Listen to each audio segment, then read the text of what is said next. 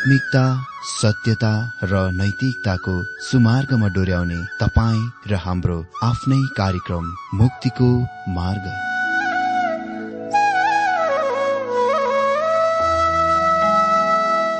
आदरणीय श्रोता यस मुक्तिको मार्ग कार्यक्रममा हार्दिक स्वागत छ आशा छ यस आत्मिक कार्यक्रमद्वारा जीवनमा आत्मिक आशिष अलौकिक शान्ति र आनन्द प्राप्त गर्नुहुनेछ। र जीवनमा धन्य अनुभव गर्नुहुनेछ। आउनुहोस् श्रोता मन र आत्माको तयारीको लागि यो मिठो अनि मधुर भजन गीत सुनौ।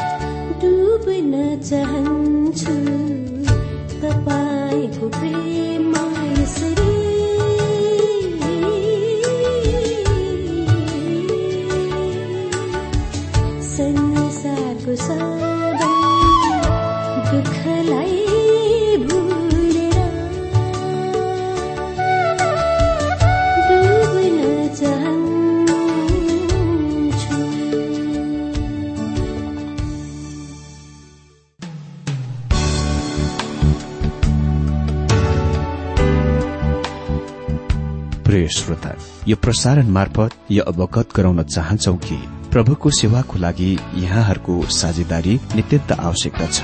यहाँहरूले प्रार्थनाको साथसाथै आर्थिक सहायता गर्न अनुरोध गर्दछौ। तपाईँहरूको सानो भन्दा सानो भेटी किन नहोस्? हामी प्रभुको नाममा स्वीकार गर्नेछौ प्रभुको सेवाको लागि। तपाईँहरूको यो सानो लगानीले कसैको जीवनमा भिन्नता ल्याउँछ अनि प्रभुको महिमा हुन्छ? प्रभु तपाईँहरूलाई महान गरी आशिष दिनुहुनेछ। इच्छुक श्रोताहरूले तपाईँको इच्छा भेटी हाम्रो ठेगानामा पठाउन सक्नुहुन्छ जुन ठेगाना हामी कार्यक्रमको अन्तमा दिनेछौ। प्रिय श्रोता मित्र प्रभु येशु ख्रिष्टको मधुर अनि सामर्थ्य नाममा मेरो जयमसी साथै हार्दिक स्वागत छ आजको यो बाइबल अध्ययन कार्यक्रममा। आजको यो बाइबल अध्ययन कार्यक्रममा निश्चय नै परमेश्वरले हामीलाई सहायता गर्नुहुनेछ उहाँको बदको रहस्य बुझ्नलाई। र हामी आत्मिक रूपमा हाम्रो हृदयलाई आशिषितको महसुस गर्नेछौ। श्रोता अघिल्ला कार्यक्रममा दिनहरूमा जक्रिया चौध अध्यय एकदेखि सात पदबाट ख्रिष्टको आगमनका तथ्यहरू र विशेषताहरू अन्तर्गत बाइबल अध्ययन गरिरहेका थियौं।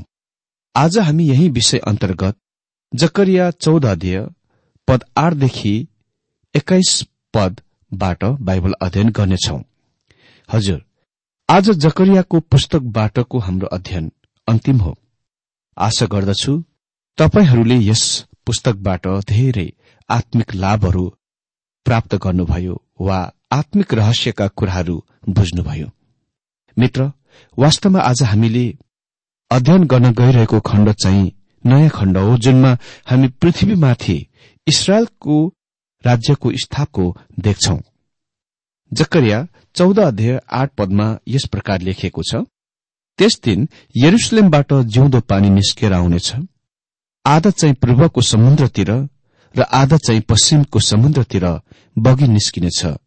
हिउँद र वर्षमा नित्य बगिरहनेछ पूर्वको समुद्र चाहिँ मृत सागर हो र पश्चिमको समुद्र चाहिँ भूमध्य सागर हो। अर्को शब्दमा यो फोहोरा हुनेछ जुनबाट पानी भइ निस्कनेछ। अनि म सोच्दछु कि यो साँच्चीकै पानी हो। मित्र प्रत्यक्ष रूपमा यरुसलेम जुन इनल्याण्ड वा भित्री भागको अहिले सहर हो जुन एक्कासी समुद्रको तटमा बसालेको सहर हुनेछ अर्थात बन्दरगाहको सहर बन्नेछ यदि तपाईँ यस पदमा जीवनको आत्मिक पानीको शीत वा अभिप्रायको पत्ता लगाउन चाहनुहुन्छ वा देख्न चाहनुहुन्छ भने म सोच्दछु त्यो पनि सत्य हुनेछ किनभने जकरियाले पनि हामीलाई व्यवस्थाको अर्थात परमेश्वरको वचन त्यस दिनमा यरुसलेमबाट बाहिर जानेछ भनी हामीलाई भन्दछन्। तर यो चाहिँ साँच्ची नै पानी हो जुन यहाँ जकरिया कुरा गरिरहेका छन्। नौ पदमा भन्छन् परमप्रभु समस्त पृथ्वीका राजा हुनुहुन्छ त्यस दिन एकमात्र परमप्रभु हुनुहुन्छ र उहाँकै नाम मात्र हुनेछ। यो शास्त्रको अर्को अति नै अद्भुत उल्लेखनीय अनुच्छेद हो। पद हो यसले परमप्रभुको दिनको र त्यस दिनको संकेत गर्दछ कि परमप्रभु राजा हुनुहुनेछ। निश्चय नै यो परमप्रभु हाम्रा येशु ख्रिष्ट हुनुहुन्छ। त्यस दिनमा त्यहाँ एउटा भाषा र एउटा प्रभु मात्र हुनेछ।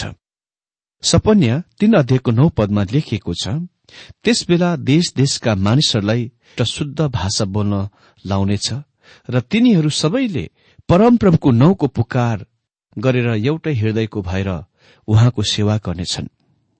मलाई लाग्दैन कि हामी यो कुन भाषा हुनेछ त्यसको बारेमा निश्चित रूपमा थाहा पाउँदछौ वा जान्दछौ। अह।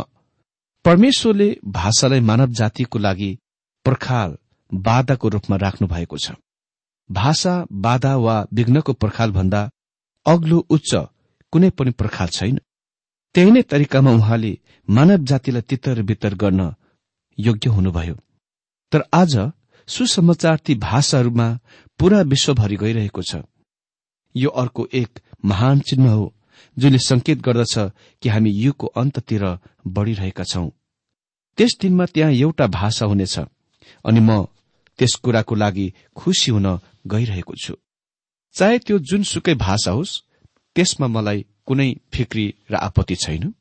तर प्रत्येकले उही एउटै भाषा बोल्नेछ। दश पदमा भनिएको छ गेबादेखि यरुसलेमको दक्षिण रिमोनसम्म सारा देश अरबा जस्तै हुनेछ तर यरुसलेम चाहिँ अग्लो बनाइनेछ र बेन्यामिनको ढोकादेखि पहिलो ढोकाको ठाउँसम्म। कुनै ढोकासम्म र हन्नेलको बुर्जादेखि राजाको दागको कोलसम्म आफ्नै ठाउँमा रहनेछ। मित्र यो अति नै महत्वपूर्ण छ। र हामी अहिले यस कुरामा देख्न गइरहेका छौं कि वास्तवमा अन्त्य के हो। यसले हामीलाई अन्त्यमा ल्याउँदछ। सारा देश अराबा जस्तै हुनेछ। अराबा चाहिँ त्यो गहिरो दरार वा चिराको भौगोलिक नाम हो जुनमा गालिल समुद्रको माथिबाट भएर यर्दनको बेसी हुँदै मृत सागर हुँदै आकवाको खाडी हुँदै उत्तर अफ्रिकासम्म अघि बढ्छ। यसले महान खाँद वा दरार पनि भनिन्दछ यो लेमनानमा बेरुतको उत्तरी तटमा डग नदीमा आरम्भ हुन्छ। जकरिया भनिरहेका छन् त्यहाँ अर्को महान बेसी हुनेछ जुन अरबा जस्तो एकनाशको हुनेछ। जकरिया भन्छन् कि यो महान बेसी गेबादेखि यरुसलेमको दक्षिणी रिमोनसम्म जानेछ। यसले यहुदाको प्राचीन कुलको पहाड़ी क्षेत्रको भूभागदेखि दक्षिणमा सिमेनको सीमासम्म भूभाग फैलावटको संकेत गर्दछ। माथि उत्तरबाट बिन्यामिनको कुलमा पर्ने स्थित गेवाबाट रिम्मोनसम्म जानेछ जुन यरुसलेमको तेत्तीस मिल दक्षिणमा छ। त्यो भयंकर महान बेसी हुनेछ मित्र। त्यो भयंकर महान बेसी हुनेछ। आज यरुसलेमको आसपास वरिपरि भएको उच्चो निचो बेसीहरू त्यस दिनसम्म मैदान हुन गइरहेको छ। अनि भनिएको छ तर यरुसलेम चाहिँ अग्लो बनाइनेछ। र बेन्यामिनको ढोकादेखि पहिलो ढोकाको ठाउँसम्म कुनै ढोकासम्म र हन्डेलको बुर्जादेखि राजाको दाको कोलसम्म आफ्नै ठाउँमा रहनेछ। एकजना टीकाकार बाइबलविदले धेरै साल पहिले भनेका थिए यो अक्षर वा शाब्दिक साँच्चीकै हुन सक्दैन किनभने कसैले पनि हन्नेलको बुर्जा वा धरराको पत्ता लगाउन सकेको छैन। तर चाखलाग्दो कुरा यो छ कि पुरातत्वविदले उसको बनाएको यो कथनलाई केही समयपछि यसको स्थान निर्धारण गरेको छ र यसको पत्ता लगाएका छन्। एघार पदमा लेखिएको छ मानिसहरू त्यसमा बस्नेछन् र त्यो फेरि कहिले नाश गरिने छैन यरुसलेम सुरक्षित रहनेछ। मित्र यरुसलेमको इतिहासमा यो पहिलो पल्ट हुनेछ कि त्यो रहनलाई बसोबास गर्नलाई सुरक्षित स्थान हुनेछ। त्यो आज त्यस्तो स्थान कति पनि छैन र यो कहिले पनि त्यस्तो स्थान भएको छैन। यो अहिले संवेदनशील स्थान हो। यो विश्वको सबभन्दा धेरै आज संवेदनशील स्थान यो नै हो। तर जब हजार वर्षीय राज्य प्रभुको राज्य आउँदछ प्रभु येसु आउनुहुन्छ र उहाँका खुट्टाहरूले जैतुनका पर्वतहरूलाई टेक्दछ यी महान भौतिक परिवर्तनहरूले स्थान लिन्छन्। तब मानिसहरू यरुसलेममा सुरक्षित तरिकाले बसोबास गर्नेछन्। अर्को शब्दमा सा पहिलो पल्ट पृथ्वीमा आउनु पर्नेछ बाह्र पदमा लेखिएको छ जति जातिहरूले यरुसलेमको विरूद्धमा लडाई गरे ती सबैलाई परमप्रभुले यस्तो महामारीद्वारा प्रहार गर्नुहुनेछ। तिनीहरू आफ्ना खुट्टामा खड़ा भएर उभिएकैमा तिनीहरूको सामु तिनीहरूको मासु कुहेर जानेछ। तिनीहरूका आँखा तिनीहरूकै खोपिल्टामा कुहिनेछ र तिनीहरूका जिब्रा तिनीहरूका मुखैमा कुही जानेछ तिनीहरू आफ्ना खुट्टामा खड़ा भएर उभिएकैमा तिनीहरूका मासु कुहिर जानेछ। यो परमेश्वरको शत्रुको विरूद्धमा जीवित मृत्यु हो जुनले स्थान लिनेछ। प्रकाशको पुस्तकले हामीलाई भन्दछ कि यो महान क्लेश अवधिमा स्थान लिनेछ। तिनीहरूका आँखा तिनीहरूकै खोपिल्टामा कुहुनेछ र तिनीहरूका जिब्रा तिनीहरूकै मुखमा कुही जानेछ। मित्र यो भयानक कुरा हो। अनि चौध र पन्ध्र पदमा भनिएको छ यहुदाले पनि यरुसलेममा लडाई गर्नेछ सबै वरिपरिका जातिहरूले धन सम्पत्ति जम्मा गरिनेछ। सुन चाँदी लुगा फाटाहरू ठूलो परिणाममा बटुलिनेछ। घोडाहरू खच्चडहरू ऊँटहरू गधाहरू र ती छाउनीहरूमा भएका सबै पशुहरूलाई पनि यही किसिमको रूढीले मार्नेछ यरुसलेम विश्वको वाणिज्य केन्द्र बन्नेछ। हामीलाई भविष्यवाणीमा जताततै यो कुरा बताइएको छ।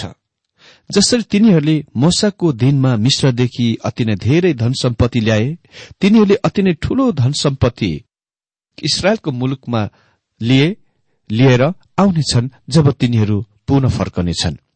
यसको अर्थ जब परमेश्वरले तिनीहरूलाई फर्काइ ल्याउनुहुनेछ तब तिनीहरूले आफूसँग ठूलो धन सम्पत्ति पनि साथ लिएर फर्काउनुहुनेछ। मित्र ख्रिष्ट आउनु भएर आफ्नो राज्यको स्थापन गर्नुहुन्छ। पृथ्वीमा ख्रिस्टको आगमनमा उहाँले सम्पूर्ण विद्रोह अधार्मिकताहरूको सर्वनाश गर्नुहुन्छ। अनि सोह्र पदमा भनिएको छ तब यरुसलेमलाई आक्रमण गर्ने जाति जातिहरूका जति बाँचेका हुन्छन् तिनीहरू वर्षेनी सर्वशक्तिमान परमप्रभुका महाराजालाई दण्डवत गर्न र छाप्रो बासको चाड मान्नलाई यरुसलेममा जानेछन्। यो पदको मतलब हो त्यहाँ खाली बाँकी बचेकाहरू मात्र बस्दैनन् उद्धार पाउँदैनन् तर अन्य जातिहरूको प्रत्येक राष्ट्रबाट बाँकी बचेकाहरू पनि बस्नेछन् उद्धार पाउनेछन्। अनि तिनीहरू नै ती मानिसहरू हुन् जो राज्यमा प्रवेश गर्नेछन्। जातिहरूमा जति बाँचेका हुन्छन् तिनीहरू वर्षिनी सर्वशक्तिमान परमप्रभुका महाराजालाई दण्डवत गर्न र छाप्रोबासको चाड मन्नलाई चाड मान्नलाई यरुसलेममा जानेछन्। त्यस समयमा त्यहाँ अति नै ठूलो परिवर्तनले स्थान लिनेछ। ठूलो परिवर्तनले स्थान लिनेछ। केवल भौगोलिक भौतिक क्षेत्रमा मात्र होइन। केवल आत्मिक क्षेत्रमा मात्र होइन। केवल अर्थ क्षेत्रमा मात्र होइन।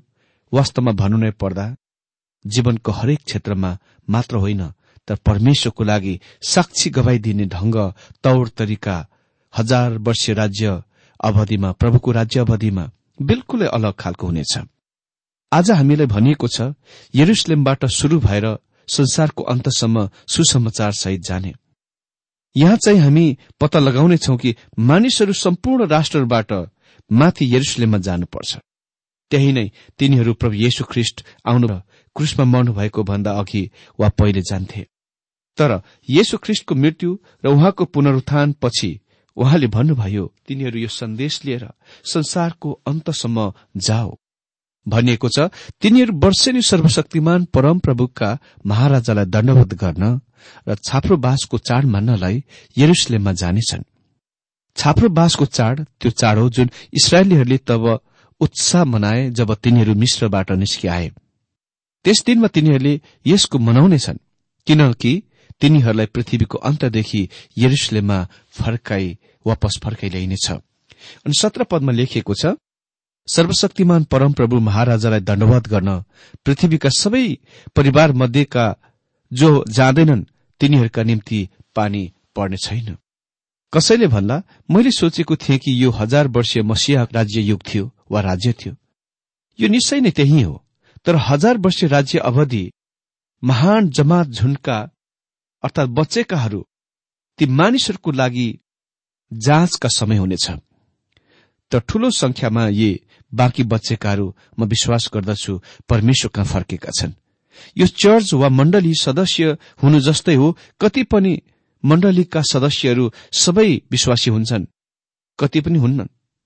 त्यसकारण यो हजार वर्षीय राज्य अवधि चाहिँ जाँचको समय हुनेछ। अनि अठार उन्नाइस पदमा भनिएको छ मिश्र देशका मानिसहरू त्यहाँ गएनन् भने तिनीहरूका निम्ति पानी पर्ने छैन।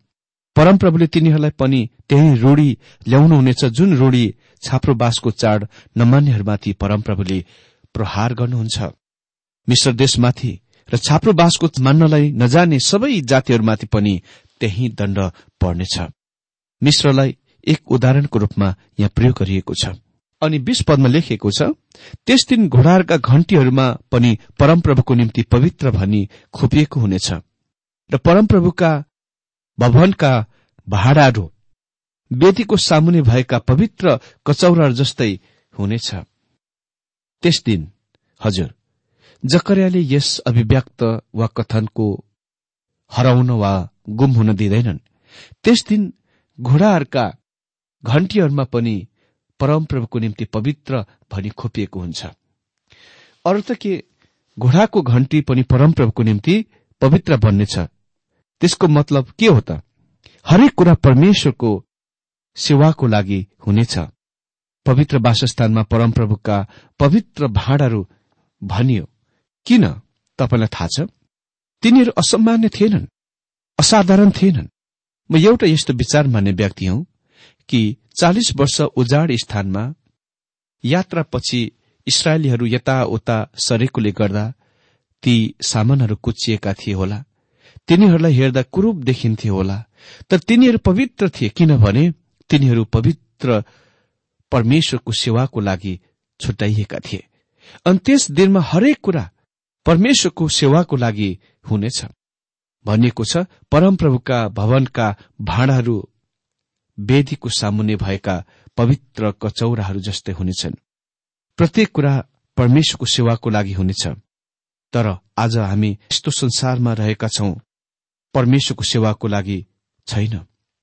एक्काइस पदमा भनिएको छ यरुसलेममा र यहुदामा भएका हरेक भाँडा सर्वशक्तिमान परमप्रभुको निम्ति पवित्र ठहरिनेछ र बलिदान चढाउने सबै मानिसहरू आएर कुनै कुनै भाँडा लिएर तिनमा नै पकाउनेछन्। अनि त्यस दिन सर्वशक्तिमान परमप्रभुको भवनमा फेरि कहिले एउटै एउटै कनानी पनि हुने छैन। यरुसलेममा र यहुदामा भएका हरेक भाँडा सर्वशक्तिमान परमप्रभुको निम्ति पवित्र ठहरिनेछ।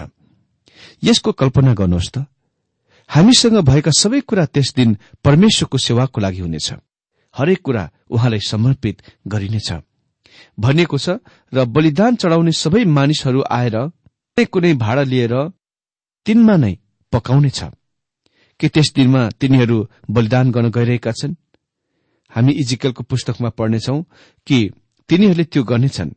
निश्चय नै ती बलिदानहरूले पछाडि ख्रिष्टको मृत्युको वा अघि बलिदानहरूको संकेत गर्दछ अर्थ दिँदछ र उहाँको आगमनतिर हेर्दछ। भनिएको छ अनि त्यस दिन सर्वशक्तिमान परमप्रभुको भवनमा फेरि कहिले एउटै कनानी पनि हुने छैन। यसको मतलब सम्पूर्ण पाखण्डीहरू बोक्रेहरू सबैलाई हटाइनेछ। यसको मतलब प्रत्येक अविश्वासीहरूलाई हटाइनेछ र त्यहाँ परमेश्वरको सेवामा कोही पनि हुने छैन जबसम्म तिनीहरू उहाँको आफ्नै होइनन्। ओ यो हजार वर्षीय राज्यको कस्तो महिमित तस्विर। यो जकरियाको भविष्यवाणीको लागि महान अन्त्य समाप्ति र चरम बिन्दु हो। परमेश्वरले आजको यो बाइबल अध्ययनद्वारा हरेकलाई धेरै धेरै आशिष दिनुभएको होस्।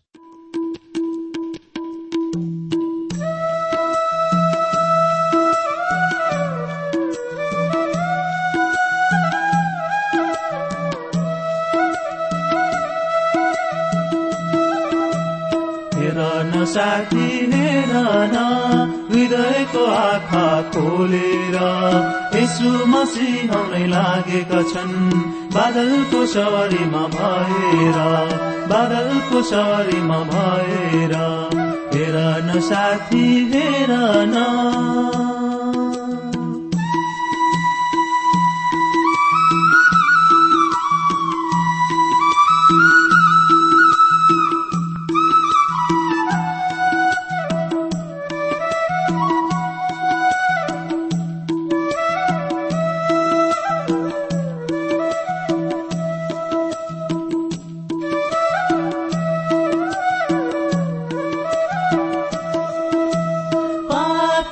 तिरिदिने एउटै छन् प्रभु क्रिस्ट।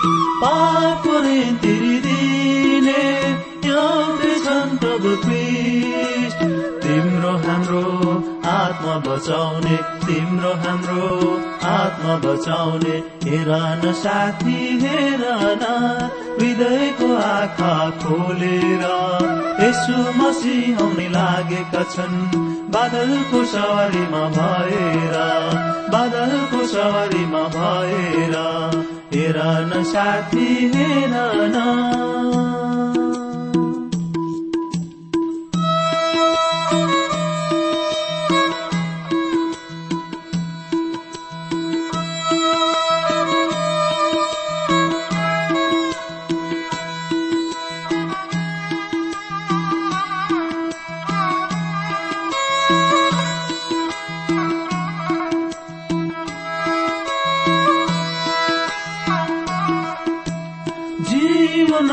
दिने एउटै छन् प्रभु जीवन मुक्ति दिने एउटै छन् प्रभु तिम्रो हाम्रो आत्मा बचाउने तिम्रो हाम्रो आत्मा बचाउने हेर न साथी हेर न हृदयको आँखा खोलेर यसु मसिह आउनै लागेका छन्। बादलको सवारीमा भएर बादलको सवारीमा भएर हेर न साथी हेर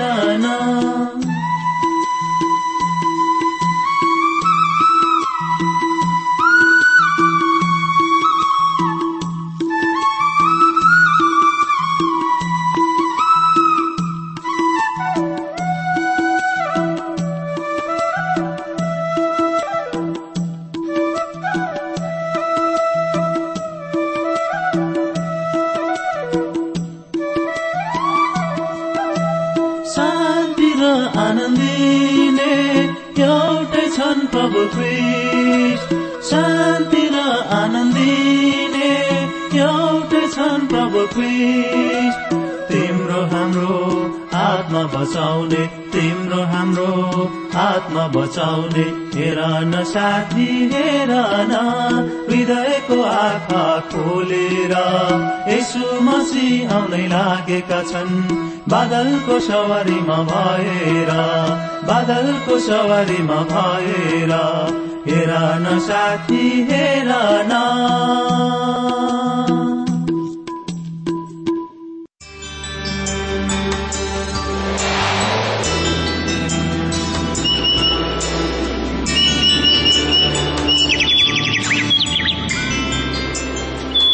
प्रिय श्रोता अहिले भर्खरै तपाईँले टीडब्ल्यूआर नेपालद्वारा सञ्चालित आत्मिक कार्यक्रम मुक्तिको मार्ग सुनिरहनु भएको थियो। श्रोता आजको यो कार्यक्रम सुनेर तपाईँलाई कस्तो लाग्यो? यदि यो कार्यक्रम सुनेर मनमा कुनै खुल्दुली वा कुनै प्रतिक्रिया अर्थात सुझावहरू छन् भने हामीलाई पत्रद्वारा लेख्न सक्नुहुनेछ।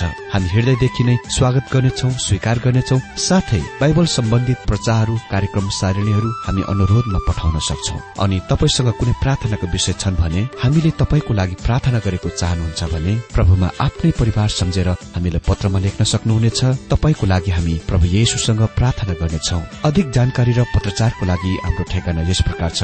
कार्यक्रम मुक्तिको मार्ग जीपीओ नम्बर उनानब्बे पचहत्तर इपिसी पच्चिस एकसठी काठमाडौँ। ठेगाना एकपल्ट सुन्नुहोला कार्यक्रम मुक्तिको मार्ग जीपीओ नम्बर उनानब्बे पचहत्तर इपिसी पच्चिस एकसठी काठमाडौँ। हाम्रो इमेल एड्रेस हो TWR Nepal at Yahoo dot com साथै यस नम्बरमा एसएमएस गर्न सक्नुहुनेछ अन्ठानब्बे चार सत्तरी पैतिस छ सय उनासी नौ आठ चार सात जिरो तीन पाँच छ सात नौ। हुन्छ श्रोता आजलाई हामी विदा चाहन्छौ।